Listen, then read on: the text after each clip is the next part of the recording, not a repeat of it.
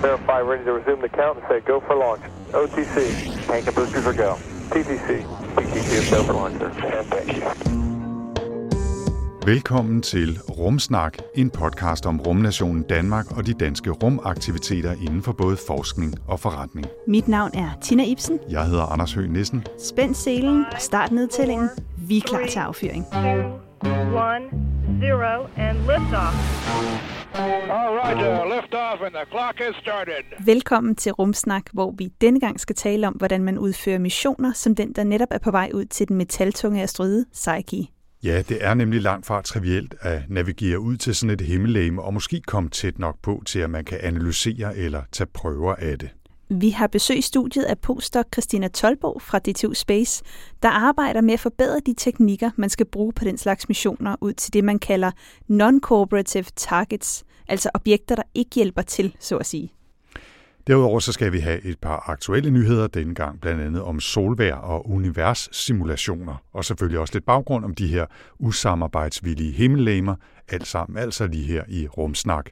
Jeg hedder Anders Høgh Nissen. Og jeg hedder Tina Ibsen. Velkommen til. Three, two, one, zero, and liftoff. Og vi lægger altså ud med et par korte nyheder fra Rumland. Anders, take Ja. it away. Øh, Jeg lægger traditionen tro ud med lidt opfølging fra de sidste par episoder. Fordi apropos missioner ud til asteroider, som vi skal snakke om lidt senere, så modtog vi jo for nylig en leverance fra Osiris-Rex med støv og stenprøver fra Bennu. Og den mission var jo en stor succes, det vi også fortalt om tidligere, men nu er man altså stødt på nye problemer, for man kan simpelthen ikke åbne beholderen, som der er støv og sten fra Bennu i. Så, så man kan sende en mission ud, man kan tage en prøve for den her mission, man kan vende om, sende de her prøver tilbage til jorden, men ikke åbne låget. Altså, hvis det ikke var så tragisk, så ville det være morsomt, ikke? Og det er altså lidt morsomt alligevel. Den her prøvebeholder, den er lukket med 35 særlige skruer, og det er to af dem, som man af en eller anden grund, jeg ikke er blevet klog på, ikke kan fjerne med de værktøjer, man ellers har brugt til de 33 øvrige skruer eller fastgørelsesmekanismer. Så nu er man i gang med at finde en alternativ løsning, samtidig med, at det jo er fuldstændig afgørende, at man ikke kommer til at gøre noget ved selve prøven, som forurener den med jordatmosfære og bakterier fra mennesker, eller hvad man kunne forestille sig. For det, det er jo det, forskningen skal handle om, det er lige præcis at at undersøge det uforurenede materiale derudefra. Ja, så man kan ikke bare tage skærebrænderen op og, øh, og sætte i gang, præcis. vel? Lige præcis.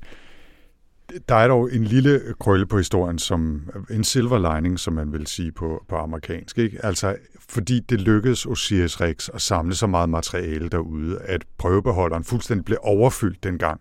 Så der er faktisk materiale uden på selve den inderste kapsel, som man så allerede nu kan bruge og analysere. Og faktisk fordi man opsamlede så meget, så har man allerede nu 70 gram materiale fra asteroiden Bennu, som jo er mere end de 60 gram, man oprindeligt havde regnet med at kunne få med. Mm. Øh, nu ligger der så, jeg tror i størrelsesorden 200 gram inde i den der kapsel, som man stadigvæk rigtig, rigtig gerne vil have fat i, fordi det kan jo betyde, at flere mennesker Ja. kan lave forskning på det her materiale, men man skal altså gøre det på forsvarlig vis, så det ikke bliver øh, forurenet. Jeg faldt i øvrigt bare ligesom en, en præbonus. Helt bonus. Det er mere og mere Okay, kom med din præbonus. Min præbonus er en artikel, som øh, har kigget på, om det her støv fra Bennu er det mest kostbare materiale gram for gram, som vi har her på jorden. Og i rundetal så har prøven fra Bennu kostet 4.657.142 dollars per gram, eller lige under 32 millioner kroner for et enkelt gram af det her Bennu-støv. Det er immer væk en slags penge. Men det er faktisk ikke det dyreste materiale på jorden, fordi ifølge Life Science, så er der nogle meget sjældne blå diamanter, som kan koste helt op til 19 millioner dollars per gram. Og det radioaktive materiale polonium-209, det koster helt op til svimlende 500 millioner dollars for et enkelt gram. Og det behøver man ikke engang hente i rummet. Og det behøver man ikke engang hente i rummet. Til gengæld skal man bruge noget meget stort og dyrt maskineri for at lave øh, meget, meget små mængder af det. Så skal vi vel også lige nævne, at øh, Andreas i talestund jo ikke har været ude på den længe ventede rumvandring. Øh, det forventes aktuelt at blive skubbet helt til december. Men vi kan faktisk sige, at vi optager her den 1. november, og lige nu er øh, de to NASA-astronauter på rumvandring. Er de derude lige nu De er derude i lige nu. talende stund? Ja. ja. Øhm, han skulle jo øh, have været ude her i midten af oktober på sin EVA. Øh, så opdagede man en læk i det russiske modul. Det tror jeg også allerede, vi fortalte om sidste gang. Øh, og det skulle lige tjekkes, og så blev det skubbet, og så blev det skubbet igen, og nu ved man ikke rigtig, øh, hvornår det bliver. Men vi håber, vi krydser fingre, og det er jeg ret sikker på, at Andreas han krydser alt, hvad han har deroppe jeg for, for at komme ud. Ikke? Apropos Andreas, Tina, jeg synes lige, du skal, du skal komme med en lille reklameblok, fordi vi skal jo snakke med Andreas lige om lidt. Det skal vi. Vi er nogle af de få, der har fået øh, lov til at holde et såkaldt in-flight call med, øh, med Andreas. Det er øh, den 8. november i Odense, hvor vi holder et brag af en rumfest, kan man godt sige. Øh, vi kommer nemlig til at have Andreas Mogensen med som gæst live fra rumstationen. Øh, vi har jo haft ham med før, så det der med at have Andreas med er måske ikke noget særligt, men det der med at have en med live fra rummet, det, det kan måske noget. Vi gad faktisk slet ikke have ham med, hvis ikke han ringede Nej, hjem ude så fra nu har vi hørt om alt det der, Ja, han har- laver, ja, ikke? præcis. så det bliver rumsnak i sin reneste form, Ja, øh, vi laver der. Hvor er det, og hvad skal man gøre, hvis man gerne vil være med, hvis man når at høre det her i tide til, at det er før den 8. Ja, hvis man er en af dem, der lytter med de første mm. dage. Det er den 8. november på Syddansk Universitet i Odense kl. 16 til 18. Og, øh, og der er stadig lidt billetter tilbage. Der er ikke mange, men der er lidt billetter i talende stund. Så, øh, så hvis man vil med, så kig i show notes eller på vores hjemmeside. Ja, eller gå ind på billetto.dk og søg.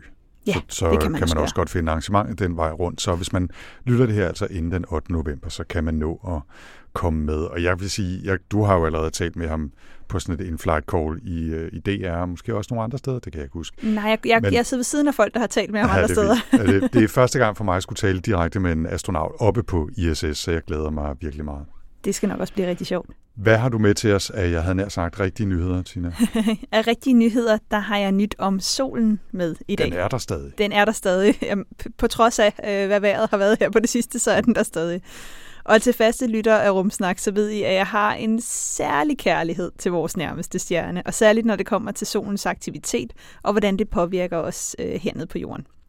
Fordi det er sådan hos NOAA, Space Weather Prediction Center, der holder de hele tiden øje med solen og dens aktivitet. Fordi det er nemlig sådan, at antallet af de her store soludbrud, som kan være, hvor der sendes millioner af tons materiale ud, det varierer med sådan en 11-årig cyklus. Eller sådan cirka 11 år, fordi nemlig det er ikke noget, vi sådan direkte kan stille vores kalender efter, eller sætte uret øh, efter den her 11-årige cyklus. Tidligere der har man nemlig forudsagt, at næste maksimum, altså der, hvor der er allerflest soludbrud, det vil ske i 2025. Men nu er der altså noget, der tyder på, at vi allerede kommer til at opleve solmaksimum næste år, altså i 2024. Så efter kun 10 år i stedet Ja, for 11. 10-ish år. Altså, Okay. det er meget svært at sige, altså, hvornår har man maksimum, Ja, ja. før man er ligesom forbi det, fordi det er jo sådan en, sådan en Gauss-kurve eller klokkekurve, ikke? Ja. hvor der sådan kommer mere, mere, mere, mere, mere, og så på et eller andet tidspunkt, så går det jo nedad igen. Men det er mere, hvor- hvornår topper vi, når vi er på vej op? Men det, kan ser ud som om, at vide. den topper lidt tidligere, end vi havde forventet. Det er det, der er Ja, pointen, det er nemlig det, der er pointen. Ja, Ja, ja. Øhm, og ikke nok med, at det så topper et år tidligere, så øh, er der også noget, der samtidig viser sig, at det vil blive et større maksimum, end de to forrige solmaxima har været. Øh, og det vil jo så betyde mange flere soludbrud, meget mere nordlys, øh, selv hernede på vores øh, breddegrader, men altså også større risici for både satellitter og astronauter i rummet. Fordi det er nemlig sådan, at når det her brandvarme plasma fra solen sendes ud med meget høje hastigheder, så danner det jo grundlaget for nordlys i vores atmosfære. Men når vi bliver ramt af de her store mængder plasma fra solen, så vil der også være større sandsynlighed for, at, øh, det kan kortslutte satellitter. Så hvis vi er uheldige, jamen, så kan et solmaksimum med måske flere soludbrud om dagen øh, være et rigtig stort problem for elektriske systemer. Så det, det er super fint, hvis man øh, gerne vil ud og se noget polarlys og, og glæde sig over det. Man Jeg er skal en bare ikke dem, tage aldrig- GPS'en ud, vel? Jeg er en af dem, der aldrig har set det, så, så det vil jeg da holde øje med. Men det kan også øh, betyde en reel risiko for, at der er udstyr, der simpelthen ikke fungerer. Ja, og det er der også sådan historisk, øh, blandt andet bare solobservatorier. Der er et solobservatorium, hvor et instrument blev op, altså ødelagt af solen. Øh, men noget af det, som vi faktisk også har set allerede nu øh, og tidligere, det er, når, man, når jorden bliver ramt af det her plasma fra solen, så bliver atmosfæren også en lille bitte smule tykkere faktisk. Så den her tynde atmosfære, der er helt ude ved low Earth orbit, altså hvor vi har masser af satellitter, der ligger, bliver en lille smule tykkere. Det vil sige, der kommer lidt det, der hedder drag, eller vindmodstand derude. Og det betyder, at at mange af de her satellitter, de, øh, de bremses en lille smule. Og det har faktisk allerede fået flere af de sådan, rumoperatører, der har satellitter i rummet, til at hæve deres baner en lille smule for, for de her satellitter. Men det er jo ikke alle satellitter, der har brændstof med, så de kan hæve deres bane. Og det betyder, at vi nok kommer til, særligt hvis vi får et kraftigere maksimum, at se flere af de her små CubeSats og sådan noget falde ned simpelthen over de næste år øh, og brænde op i atmosfæren, fordi at solmaksimum har gjort atmosfæren tykkere. Okay, så ikke bare skal man ud og kigge efter øh, polarlys, man skal også kigge efter små satellitter, der brænder op i atmosfæren. det bliver en ren fest. Og det kan jo selvfølgelig også, nu havde vi talt vi om rumskrot sidste gang, det kan jo selvfølgelig forhåbentlig være med til at rydde en lille smule op derop. Men, øh, men det er altså stadig uvist, øh, hvor, hvor meget øh, kraftigere det bliver, om det bliver kraftigere. Mm. Fordi det er sådan, vi ved faktisk stadig ikke, hvorfor det er den her styrke af magnetfelt eller maksimum, øh, det går ind og varierer. Øh, fordi selvom man har studeret solcykler, kan man sige, i 400 øh, år og kigget på, jamen, hvor kraftigt var det, og, og hvor meget var det, hvor længe varede det, så er der jo ingen, det er jo ingen tid, hvis vi skal kigge på længerevarende mønstre. Så det kan jo godt være, at der er noget, der varer over 1000 år, eller 2000 år, eller millioner, eller 10 millioner, eller nogle milliarder år. Det aner vi ikke. Så, så de lang, altså langvarige mønstre har vi ikke set endnu. Og det er derfor, det er sådan lidt famlende i blinde, når man siger, der er noget, der tyder på, at det nok agtigt bliver det her. Mm. Så det er der, vi er. Der er noget, der tyder på, at vi nok agtigt får et solmaksimum et år tidligere, der nok bliver sådan lidt mere kraftigt, end det har været tidligere. Du hørte det først her i Rumsnak, hvor vi altid bringer fuldstændig øh, konkrete, nyheder. præcise nyheder. Ja.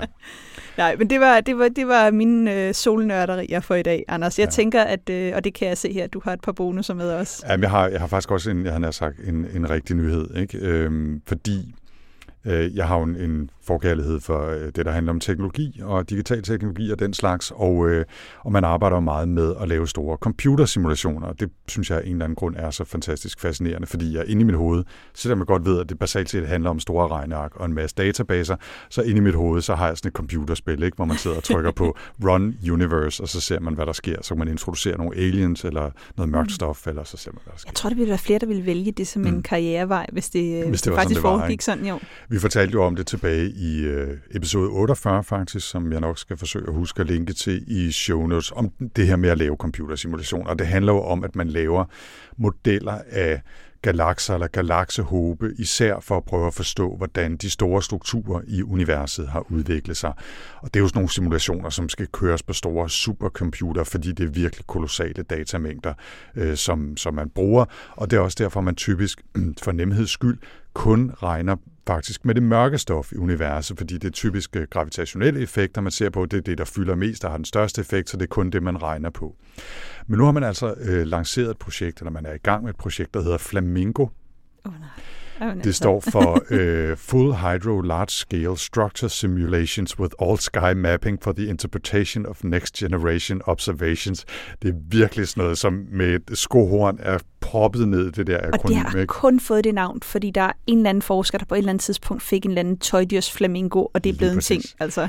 Hvor med alting er, så skal det her projekt Flamingo øh, lave, eller har lavet den største computersimulation hidtil, som bruger 300 milliarder elementer, og hver af de her elementer svarer til massen i en lille galakse, så vi er virkelig oppe i den store skala. Det er ikke noget med planeter eller dig og mig, som er med i det her. Altså der er vi slet ikke, øh, det kan man slet ikke regne med endnu.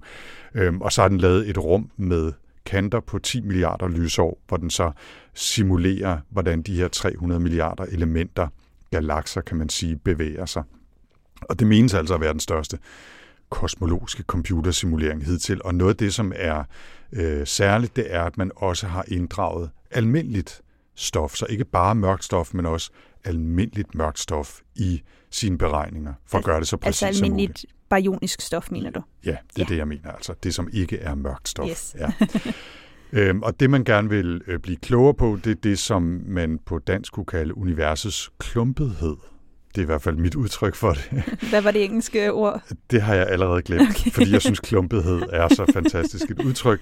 Øh, og det er fordi, at man slås lidt med nogle uoverensstemmelser med det, som teoretisk øh, skulle være Altså, hvordan øh, stoffet i universet har samlet sig og, og har, har klumpet sig sammen over tid, og så det, som man observerer, når man kigger på den kosmiske baggrundsstråling.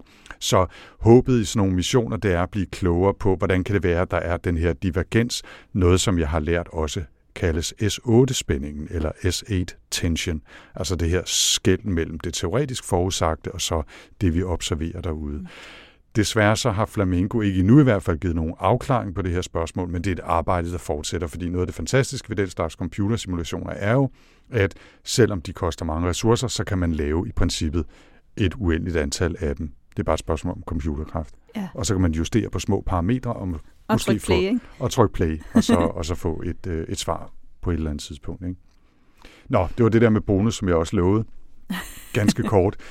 Jeg har taget et par links med, øh, som ligger i vores show notes til to artikler og en video, som alle sammen handler om det, man kunne kalde den beskidte bagside af rumfart, for det må vi jo ikke glemme. De to første artikler handler om, hvordan man har målt, at der simpelthen findes en masse metal i atmosfæren, som kommer fra de fartøjer, vi sender ud, og fra det rumskrot, der falder ned og bliver brændt op i atmosfæren, sådan som vi øh, talte om før. Og så er der en video, som kommer fra videnskab.dk, som handler om CO2-aftrykket fra de mange raketopsendelser, som vi foretager i de her år, og måske hvad vi eventuelt kan gøre ved det. Og det er altså noget, vi linker til sammen med de andre nyheder i vores show notes, hvis man er nysgerrig på det. Okay, it's a nice ride up to now. For få uger siden, der blev fartøjet Psyche sendt afsted på sin mission ud til asteroiden af samme navn. Den befinder sig 500 millioner kilometer fra Jorden ude mellem Mars og Jupiter og er af en ganske særlig slags. Den har nemlig et højt indhold af metal, mellem 30 og 60 procent anslår man, og det er ret usædvanligt. Og derfor mener nogle forskere i hvert fald, at Psyche faktisk i virkeligheden kan være kernen fra et større objekt, måske ligefrem en protoplanet, der så senere er gået i stykker. Psyche, altså asteroiden og ikke fartøjet, var den 16. asteroide, vi mennesker opdagede, har jeg læst mig til, og det skete helt tilbage i 1852. Så, Kan du huske den der, Anders? Jeg husker det, som var det i går. Den er cirka 226 km i diameter.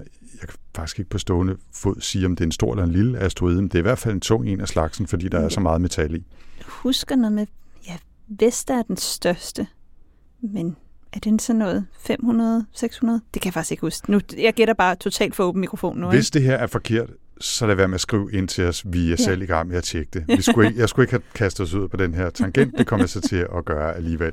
Uanset hvad, så er øh, Psyche asteroiden noget af en mobbedreng, hvis man sammenligner med Psyche fartøjet, fordi det er kun gåsøjne kun cirka på størrelse med en varevogn, og så har det så solpaneler ud til siden, som bringer den op på et vingefang i størrelsesorden 25 meter, med selve fartøjet altså kun på størrelse med en varevogn, vejer cirka et tons penge eller så.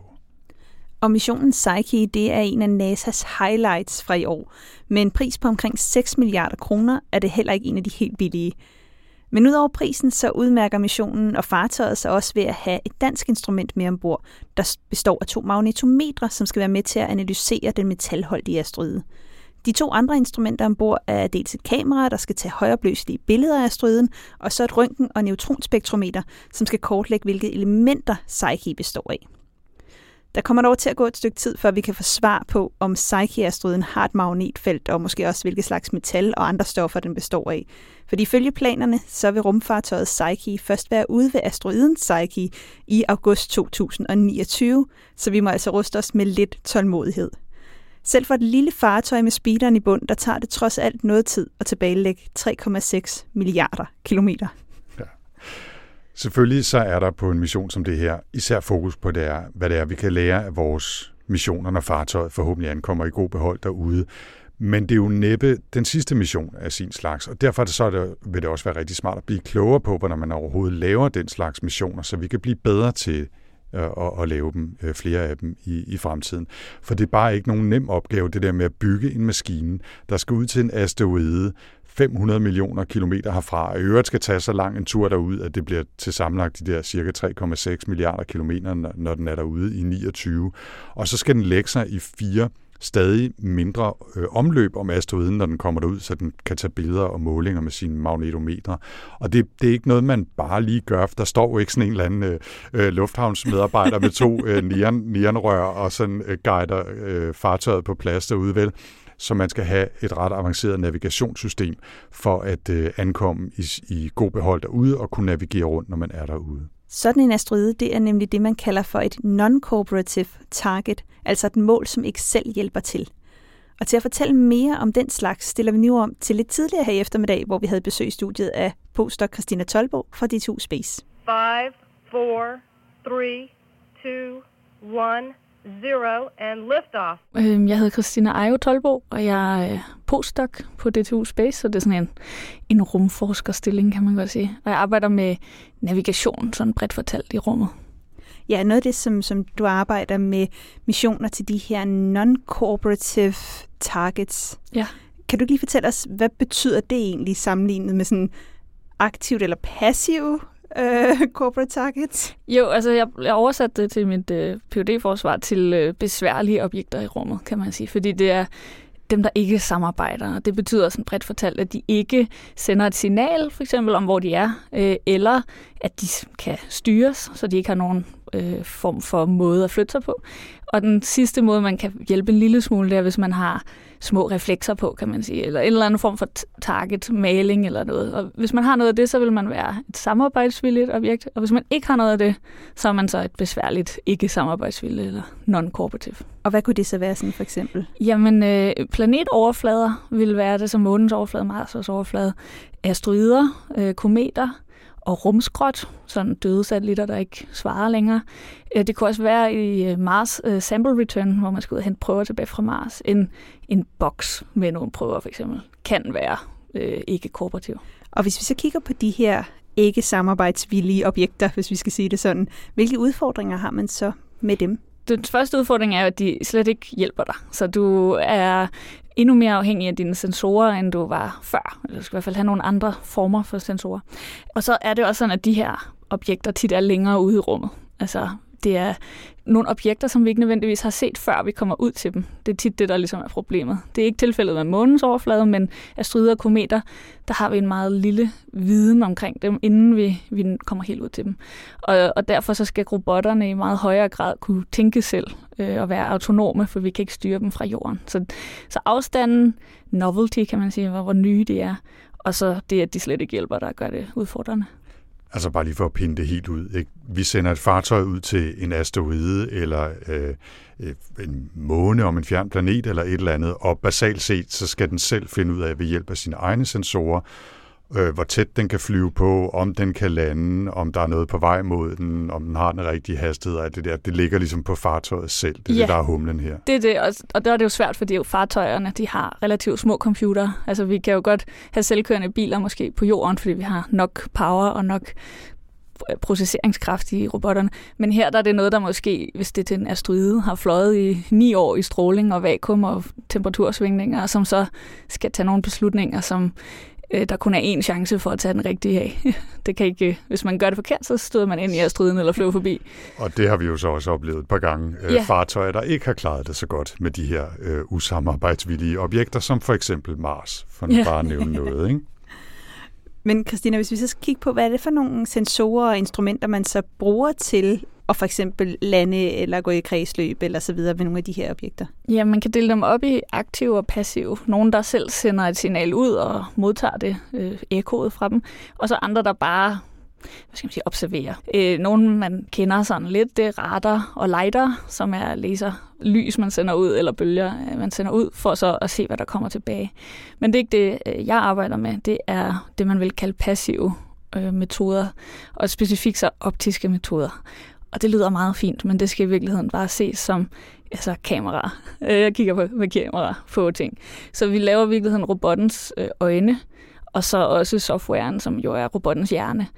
Så der bruger vi altså ikke helt almindelige kameraer, men, men noget, der minder rigtig meget om et helt almindeligt kamera, øh, som er lavet til rumfart, til at sådan ligesom opfatte den verden, vi kommer ud til. Jeg kan fortælle noget om, hvad vi, hvad vi tester i øjeblikket. Vi har en øh, mission, der hedder Proba 3, som er en ESA-mission, der skal sendes op her næste år. Og det er en øh, øvelse i formationsflyvning, så der bliver sendt to satellitter op, øh, og den ene skal så bruge både aktive, øh, kooperative metoder, og så er der også et eksperiment, der hedder non-kooperativ, eller RVX. Og det er det, jeg kigger på. Og der øh, tager den ene satellit billeder af den anden, og ud fra det, så skal man så kunne bestemme deres øh, afstand til hinanden og deres hæl- hældning eller deres vinkler imellem hinanden. Og der, øh, der har vi jo brug for, at vi tester det meget øh, nøjagtigt, inden at vi er i kredsløb. Så der har vi bygget en hel model af Proba 3 i øh, vores kælder på DTU i en 8. del størrelse, hvor vi har lavet en falsk øh, sol og alt muligt øh, hudlig hud for, at den kan bevæge sig nogenlunde ligesom en øh, satellit vil. Og så har vi et kamera på en robotarm, hvor vi kan øve os i at flyve hen til den. Og det er altså for netop øh, at undgå, at det går galt. Så vi har brug for en, en meget, hvad skal man sige, mere rigid testkampagne, før man sender noget i rummet på den måde. Øhm, rumfartøjer koster mange penge, så hvis man mister tid, inden man kan lave sine observationer, så har man også mistet data, ikke? eller science. Så man vil gerne have, at det virker i første omgang, og at det er god kvalitet data. Og det er jo også derfor, I laver tests. Altså, Ja. så kan I, hvis robotarmen med et kamera på øh, kører lidt forkert, så kan I bare reset og starte forfra. Det er Ja. lidt sværere, når man først har fyret det afsted, ikke? Præcis, og vi laver også med, med, med især den her mission, laver vi også syntetisk test, så det her er ligesom at bygge det hele fysisk op, men vi har også, øh, ja, vi laver nærmest film, har jeg lyst til at sige, sådan CGI på computer, genererer, hvordan satellitten ser ud i et hav af forskellige muligheder, som vi ikke kan lave i, i kælderen, både på grund af afstandene og solen og sådan nogle ting. Så vi, øh, vi har begge de spor, både den fysiske hardware, som vi tester, og så også alle mulige random ting, der kunne, kunne ske, vi kunne forestille os, der kunne ske. De her kameraer, du lige nævnte som et eksempel på noget af, af det, du ligesom har størst fokus på af, af de her passive sensorer, er det kameraer, der typisk er lavet til at hjælpe med øh, navigation til eller rundt om de her øh, usamarbejdsvillige objekter, eller er det en funktion, I hvad kan man sige, lægger ovenpå? Ja, godt spørgsmål. Altså, øh, det oprindelige kamera, hvis man kan sige, der er sådan et, det, det er en stjernekamera, som er det, som min afdeling på DTU er kendt for at lave, og sammen med magnetometre, det er sådan de to ben, vi står på. Og stjernekameraet er udviklet til at finde orienteringen af en satellit, så, så det vil sige, det er et navigationskamera. Det er ikke øh, meningen, det skal tage flotte billeder. Øhm, og det kamera, der er så blevet udviklet på de sidste 30 år, til virkelig en hav af forskellige øh, muligheder, både til Mars, der sidder sådan et slags kamera på Perseverance-roveren, og til formationsflyvning, som er en, et, en videreudvikling af det oprindelige kamera i virkeligheden. Så, så det er øh, både over nok svaret. Altså, Og, og bare lige kort, hvordan Ja. ja. virker det her stjernekamera? Du Ja, sagde til navigation, Ja. men det, Øhm, så når man øh, navigerer i rummet, så er der to ting, man gerne vil vide. Det ene er, hvor man er, ens position, og det andet er ens øh, orientering, som i rumfart hedder attituden. Og det virker ved, at man har øh, kameraer, der tager mindst et kamera, gerne flere, der tager billeder af stjernehimlen, og så har også et meget detaljeret kort over nattehimlen i sin computerhjerne. Og så ud fra de billeder, den tager, så kan den matche med sit kort, og på den måde finde ud af, hvordan den er orienteret i forhold til den himmelske vælving, kan man kalde det. Ja. Øhm, og det kan man så gøre med, med virkelig høj præcision med det her kamera, som er lavet specifikt til det. Det er ikke alle missioner, der har brug for den helt høje præcision, men det har de her videnskabelige deep space øh, øh, missioner. Five, four, three, two, one, zero, and liftoff. I din øh, PhD så har du arbejdet med forskellige aspekter af, af de her øh, NCT'er, som jeg bare kalder Ja. dem. Jeg ved ikke om, altså vi er jo, så, er jo så glade for forkortelser og Ja, akronymer i er rum, rumfarten, ikke? så nu kalder jeg det bare NCT'er. Og du beskriver, øh, at, at der ligesom er fire aspekter, eller i hvert fald forskellige aspekter af kapacitet, pålidelighed, nøjagtighed og autonomi, Mm-hmm. som as, altså aspekter af dit arbejde med det her. Kan du ikke lige prøve at dykke lidt ned i, hvad det er for nogle forskellige omstændigheder ved de her øh, instrumenter og deres øh, brug i forhold til de her NCT'er? Jo, altså øh, specifikt i min PhD, der kiggede jeg på, på de her fire emner, som du nævner her, og havde en case study for hver af dem. Og det, jeg tror i virkeligheden, det er den bedste måde at forklare dem på, fordi det giver mere et konkret eksempel. Øhm, så jeg kiggede på, kan vi som nummer et, kan vi tænke på helt nye metoder, som kan hjælpe os til at lave nogle helt nye missioner, vi ikke har tænkt på før. Og det relaterer til New Space, og at vi skal nye steder hen, og vi skal længere ud, end vi nogensinde har været før. Så måske skal vi ligesom kaste det hele op i luften og starte forfra. Det var den, den første del. Og så den anden del, det var det her, kan vi optimere testkampagnerne? Kan vi lave bedre syntetisk data? Kan vi lave bedre test setups? Og det var det i virkeligheden det, vi lige har snakket om med Proba 3. Øhm, og så den tredje var, kan vi bruge navigationssystemer til noget andet end navigation? Kan vi have den her dualitet imellem, at den skal fungere nøjagtigt og pålideligt som navigationsinstrument, men også kan vi bruge dem som science-instrument. Og den fjerde del var, når vi nu har fløjet bagefter, kan vi så øh, lære noget af den den navigationsviden, øh, vi har fået fra det her objekt, kan vi så forberede os til fremtidige missioner, og ligesom bruge modellerne og fodre dem tilbage ind i starten igen. Så det var de fire emner, og det er jo i virkeligheden de fire emner, vi hele tiden de kigger på i den her proces af at udvikle instrumenter. Ja, de er vel alle sammen en del af arbejdet hele tiden, kan man ja, sige. Ikke? Jo, ja, præcis, ja. Og, og det er jo også meget tit sådan, at det ene udspringer af det andet. Altså man skal altid have en testkampagne, men man behøver jo ikke at have et science-instrument, hvis man har et navigationsinstrument. Det er jo det, er det der gør, at vi er lidt unikke på en øh, uddannelsesinstitution, at vi netop har den her forskning fra noget hardware, og ikke den anden vej rundt, at vi har noget forskning, og derfor laver vi noget hardware. Det er lidt øh, modsat af alle andre, stort set. I bygger ikke bare dem, så I bruger dem faktisk også til noget? Ja, vi bygger dem for at løse et problem, ja. og så er det også heldigt, hvis den også kan noget andet. Ja, præcis. og hvad kunne være et eksempel på det? Jamen, det er et af mine yndlingsemner, så det er godt at spørge. øhm, det ene eksempel er, at øh, de her kameraer, som vi har flyvende på, på stort set det hele derude, de fungerer ligesom et almindeligt kamera. Så de har sådan en CCD-sensor inde i midten. Øh, en anden sensor kan det også være, men lige i vores tilfælde er det sådan en CCD. Og når de bliver ramt af en øh, partikel, altså en øh, strålingspartikel, øh, så lyser de op som sådan et lyspixel. Og det har jo været anset som støj, fordi at øh, vi kigger også efter stjerner i det her stjernekamera, så vi vil gerne sortere dem fra. Så det har man egentlig gjort i årtier, fjernet de her hvide pixels. Og så øh, min vejleder og afdelingen fandt på, før, før jeg kom til, hvad nu hvis vi ikke smed dem væk? Hvad nu hvis vi lige talte dem, inden vi smed dem væk? Og siger, der er 36 i det her billede, der er to i det her billede. Og så hen over mange år og mange satellitter, nu man faktisk lave et sådan globalt kort over, hvor bliver den her satellit ramt af stråling. Og øh, det er ikke nogen steder, man ikke allerede ved. Altså, der er Van Allen-bælterne, de her strålingsbælter, og der er den sydatlantiske anomali, som er over jordens overflade. Og, øh, og de ved vi godt, de er der, men vi ved også, at de er variable, altså de varierer som funktion af solens aktivitet og årstiden og hvad ved jeg. Og øh, de her stjernekameraer, ikke nødvendigvis vores, men et eller andet form for stjernekamera, sidder på stort set alle satellitter, der er større end CubeSats og små satellitter. Og hvis man gjorde det her for dem alle sammen, så kunne man måle strålingen live, altså i de hårde partikler, og få en, et øh, direkte mål i god øh, spatial opløsning, jeg lyst til at sige, sådan over det hele. Hvor er der stråling lige nu, og hvordan bevæger det sig? Så det er en af de ting, man kan bruge stjernekamera til, som det ikke er designet til. Jeg synes, det er et helt fantastisk eksempel, ikke? Øh, og jeg blev også helt glad ind i, da jeg læste om det, ikke? fordi det er jo det er ikke bare et eksempel på, at man udnytter et instrument til flere ting. Det er et eksempel på, sådan som jeg forstår det, at det, man oprindeligt har betragtet som en fejl eller et problem eller støj, ja. pludselig bliver vendt om og set i et andet lys, ja. nærmest bogstaveligt talt, og, og udnyttet til at give ny viden eller øh, assistere ja, funktion. Præcis. Ja, Og så er det også bare, altså det er jo smart, øh, både fordi det kan give ny viden, og fordi man så kan spare et instrument, kan Ja. man sige, ikke? Altså, og vægt er jo, er jo altid en, en faktor her, udover at det er ting, der kan gå i stykker, hvis man skal have flere instrumenter på, og det tager tid at udvikle, og det koster penge, og så videre, så videre. Ja, og så fordi stjernekameraet er, er beskyttet, fordi at man jo, vil jo oprindeligt helst ikke have så mange af dem her øh, hvide pixels, og man vil stadig heller ikke have alt for mange, fordi det er jo også et tegn på, at kameraet bliver ramt af stråling.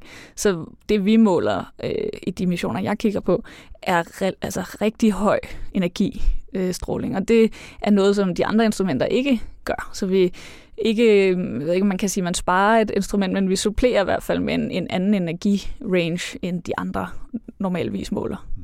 Og nu sagde du de missioner, Ja. du kigger på.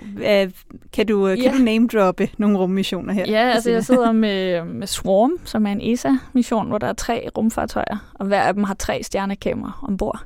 Og øh, så kigger jeg også på en, der hedder MMS, som øh, er en amerikansk NASA-mission, som begge de her to måler øh, jordens magnetfelt. Og MMS kigger efter det, der hedder reconnection. Men jeg kigger så på de her stjernekameraer på, på og MMS er der fire af, skal jeg lige sige. Så der er syv satellitter i alt. Øhm, og jeg har nogle, jeg ved ikke, 5-6 års data, så det er over 3 milliarder datapunkter, som jeg prøver sådan at sortere igennem for at få det her kort, som udvider sig, eller altså bliver større og større med, med årene, men også øh, ændrer sig, altså fordi solens cyklus er på vej nedad, øh, eller opad, undskyld, vi, er, vi går fra minimum til maksimum, så der kommer også til at være nogle ændringer. Øh, så jo længere tid der går, jo mere data, men også jo mere øh, spændende, synes jeg. Vi ved også, at din gruppe har været en del af den her Psyche-mission, som, som vi har haft talt lidt om her i, i Rumsnak tidligere også. Hvilken del af missionen har I arbejdet på her? Jamen, vi har leveret et af de tre øh, videnskabsinstrumenter, øh, der er ombord på Psyche, og det er, det, magnet, det, man kan, det er magnetometeret, men det består faktisk af to magnetometre, så det er sådan lidt. Øh, det er, fordi man har en ekstra, hvis den første skulle gå i stykker, og også for, at man kan måle, at de begge to måler det samme, så, så man kan fjerne støj fra for eksempel rumfartøjet selv. Så vi har altså et instrument, som består af to instrumenter. Og man kan jo nærmest høre det ud af navnet, men fortæl mig lige om et magnetometer. Ja, altså et magnetometer kan måle magnetfelter. Og det, der er så specielt ved det her magnetometer, det er, at det er øh, meget mere nøjagtigt end de fleste magnetometer, men især også mere nøjagtigt i begge ender af skalaen. Så de kan måle meget præcist, både hvis der er et meget lavt magnetfelt, og hvis der er et enormt højt magnetfelt. Og det er fordi, at asteroiden Psyche ved vi ikke, om der overhovedet er et magnetfelt, øh, og om det så det kan både være stort, og det kan være småt, og vi skal ligesom kunne, kunne måle det godt i begge ender. Og måske skulle du også bare lige kort, før vi dykker mere ned i magnetfeltet, og fortælle, hvad er det lige med, med Psyche, altså der gør den interessant for, for sådan nogen som dig med magnetometre på Ja. en, et fartøj? Altså Psyche er interessant, fordi at øh, hvis man øh, gerne vil vide noget om, hvordan jorden og solsystemet er dannet, så det sted, man besøger, det er strydebæltet, fordi at det er efterladenskaberne fra dengang solsystemet blev dannet. Og der har man så egentlig besøgt en del forskellige asteroider, og man har jo besøgt dem i en rækkefølge, der giver øh, mening, sådan at man har taget dem, der er mest normale først, og set, okay, det er størstedelen af dem. Og nu er man altså kommet til de lidt mere eksotiske øh, asteroider, som Psyche er, fordi den øh, har en rigtig høj øh, mængde af metal. Og det får forskere og geologer til at tænke, at det nok muligvis er dele af en kerne fra en protoplanet, altså en planet i det tidlige solsystem, som er blevet slået i stykker, øh, hvor kernen er blevet blotlagt. Og der kan vi jo så for første gang have nogle målinger af en kerne, fordi vi kan jo ikke måle jordens kerne, den er øh, inde i midten af jorden. Der er meget varmt og meget langt. Øhm, så, så det er i virkeligheden, hvordan ser sådan en kerne ud. Og det er så præcis, fordi den består af en, en stor procentdel metal. Det, jeg tror ikke, det er helt klart, hvor meget. Men... Omkring 30 procent, eller mere end 30 procent. Ja. ja. Det er derfor, at I tænker, det er interessant med magnetometre på den her mission. Ja, altså magnetometerne kan være med til at bestemme, om det netop er en kerne eller ej, fordi at øh, teorien om, hvorfor vi har, eller hvorfor vi har jordens magnetfelt, er, fordi vi har en, en solid jernkerne, metalkerne inde i midten af jorden, og så en flydende øh, kerne, metalkerne udenom, som gnider rundt, har jeg lyst til at sige. Og det giver, at man får lavet sådan et magnetfelt. Øhm, så det vil vi forvente, at det vil være det samme på en protoplanet, dengang den blev dannet, at den har haft et globalt magnetfelt. Og øh, sådan nogle magnetfelter, de kan efterlade et ekko øh, i, i stenen eller i metallet fra, når de er slukket, så kan man stadig måle, om de var der. Øhm, så derfor kan Psyche være med til og magnetometerne være med til at bestemme dens oprindelse. Altså, er det en, en mærkelig asteroide, øh, fordi det er en kerne, eller er det en mærkelig asteroide, bare fordi det er en mærkelig asteroide? Det kan jo også være andre årsager. Og bare lige for at, at, at trække en tråd tilbage til begyndelsen af den her snak, Christina, så er øh, Psyche asteroiden, eller psyke, Ja. øh, hvis vi skulle sige det på dansk, den er jo i høj grad et, et ikke-samarbejdsvilligt objekt. Ja. Så, så det, det er faktisk en af de missioner, hvor man i høj grad skal bruge det, det du blandt andet ved om at ankomme og øh, gå i kredsløb og så videre Ja. om den. Det tager jo en, en rum tid at komme derud. Den Ja, ja, er først fremme i øh, 29. Men øh, som jeg også nævnte i, for, i starten, så har vi på DTU en øh, magnetometer capability og en stjernekamera, kamera bredt fortalt øh, evne. Og øh, i det her tilfælde er det magnetometerne, som vi har, har sendt med. Så der er nogle andre, der faktisk står for navigationsdelen øh, i det tilfælde. Oh, det er ikke godt. De har valgt nogle andre. Du vil, du vil gerne have været Vi vil med. altid gerne have altid en ting på alting. Men, øh, men det er også meget godt, for vi er faktisk med på så mange forskellige missioner, at, øh, at det er ikke fordi, vi sådan, der tørster på den måde. Altså vi vil altid gerne have mere, men, men det er heller ikke øh, sådan, at vi hedder, hænger i gardinerne. men jeg tænker, at der er jo ikke noget, der forhindrer dig, Christina, i at følge med i, øh, hvad de laver, og, og hvad de lærer af det. Nej. Altså i, jævnfør øh, det, du også skrev PhD om, nemlig, hvad kan vi lære af de missioner, vi allerede er i gang med, når vi skal forberede de næste. Præcis. Og det tænker jeg, du kommer til at gøre. Det gør jeg i hvert fald. Og nu, øh, nu siger du så også, at I bruger også de her data, I får fra, øh, fra de her missioner. Men er det sådan, at, øh, at fordi I har bygget et instrument, at I, øh, i får en forlomme og får lov til at bruge det her data for alle andre, eller er det fuldstændig frit tilgængeligt, Er I bare nogle af dem, der kan bruge det, eller hvordan foregår det så rent praktisk, når man sådan ligesom siger, nu har vi et instrument oppe, nu vil vi gerne have noget data at bruge det? Ja, altså den ene ting er jo, at vi, vi normalt laver navigationsinstrumenter, så de fleste er faktisk ikke interesseret i den data. Det er jo... Øh, hvad man skal kalde brugsdata. Det er jo øh, det er noget andet, hvis man laver et videnskabeligt instrument, for så er der rift om at få lov at få det. Så i det her tilfælde med, med navigationssystemerne, så får vi faktisk dataen, fordi vi netop også skal kunne være med til at, at sætte et flag, hvis der er noget galt, eller sige, sige hov, hey, det ser helt forkert ud. Så vi får dataen relativt med det samme og har adgang til den. Hvis det er en NASA-mission, og egentlig også hvis det er en ESA, men, men NASA har lidt mere formaliseret proces, så er det sådan, at hvis man bruger noget data i en publikation, altså en artikel, så skal det være til rådighed for offentligheden, og så har de en database, som vi skal lægge alt dataen på, som er blevet brugt til det arbejde, vi præsenterer. Men så kun det, der er blevet brugt til arbejde, det andet behøver I så ikke Det, i? det kommer an på missionsbeskrivelsen. Okay. Det kommer an på øh, dem, der har udført den mission. Men i mange tilfælde er det det hele, men øh, det bliver jo hurtigt meget. Så det er jo også et spørgsmål, skal det så være det rå format, eller skal det være det processerede format, som vi har faktisk har brugt? Og i mange tilfælde er det begge dele, så er det en ordentlig øh, datamængde. Øh, men til gengæld er der også andre, der kan bruge det. Og i tilfælde med, med Psyche, der skal vi så lige vente nogle år nu, før der begynder at komme data Ja, altså for alvor monitor- derudefra i hvert fald. Monitometer er faktisk blevet tændt, fordi at det, det flyver også og måler på vejen, men jeg, jeg har ikke set noget data fra det endnu. Men øh, det er blevet tændt, og det virker. Så. Okay, ja, det er måske også en meget god idé Jamen, at teste. der man vil jeg faktisk sige, i at det fede ved, det er også, når, de, når I er så gode at tænde magnetometerne på vejen, det er jo, at det kan bruges til rumværs øh, Ja. observationer. Det var blandt andet noget, det jeg selv gjorde. Så det er dejligt, at I, øh, I gør det. Det ved Ja. at der er nogen øh, i, i den afdeling, også på DTU, der sikkert øh, er glade for at kan bruge. Men Christina, sådan lige her til sidst, øh, lad, os, øh, lad os gå ind i en, en drømmeverden. Mm-hmm. Du har ubegrænsede ressourcer. Du har en chefstilling hos ESA eller NASA, det må du selv om. Hvad vil så være dit drømmerumprojekt? Hmm, det er et godt spørgsmål. Altså, jeg har lidt en forkærlighed for månen, og det er jo ikke så videnskabeligt funderet. Det er mere det her med at sende mennesker tilbage dertil. Så jeg vil gerne være med til at lave landingssystemer, øh, som kan lande mange mennesker på den samme område. Det er jo faktisk en kæmpe udfordring at gøre, fordi øh, man skubber hinanden væk, skulle jeg sige, når man kommer ned med sine raketter der og virvler støv op. Så, så jeg tror, at øh, landingsteknologi til månen vil være sådan det, hvor jeg også kunne se en karriere i det. Fordi det, jeg måske aller, allerhelst ville, det er jo sådan noget øh, tyngdebølger og sorte huller og sådan noget, men de missioner er også bare sådan, jamen det bliver sendt op i 19, eller 2050 eller sådan noget. Så, så det er sådan, hvis jeg også havde uendeligt liv, så, så ville jeg måske også gerne øh, øh, altså, ja, lave noget med det. Men inden for de nærmeste øh, årtier, så mennesker på månen og infrastrukturen omkring det. Okay, it's a nice ride up to now. Og det fortalte altså her postdoc Christina Tolbo fra DTU Space. Og med det er Rumsnak landet for denne gang. Hvis du vil vide mere om non-cooperative targets og nogle af de andre ting, vi har talt om her i episoden, så husk at tjekke vores show notes, hvor vi linker til mere information om både nyheder og altså NCT'er. som det nu hedder famously. Mm-hmm. og så vender Rumsnak selvfølgelig snart tilbage igen, og næste gang der sender vi en optagelse af den Rumsnak live, der handler om nogle af de forsøg og den forskning, som Andreas Mogensen arbejder med op på den internationale rumstation. Og hvis alt går efter planen, så har vi jo altså også som nævnt Andreas med direkte derop fra.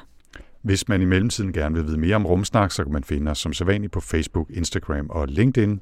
Og man kan også læse mere om os på vores egen hjemmeside rumsnak.dk, hvor vi også har en lille butik med Rumsnak merchandise. Har du spørgsmål eller kommentarer til os herinde, så skriv til os på infosnabelag.rumsnak.dk eller send en besked på et af vores sociale medier. Husk også, at hvis du synes, det har været spændende at lytte til Rumsnak, så er du meget velkommen til at dele med familie, venner og andre rumnørder derude. Rumsnak er støttet af Novo Nordisk Fonden og bliver produceret af Podlab. Jeg hedder Anders Høgh Nissen. Og jeg hedder Tina Ibsen. Tak for denne gang. Thank you.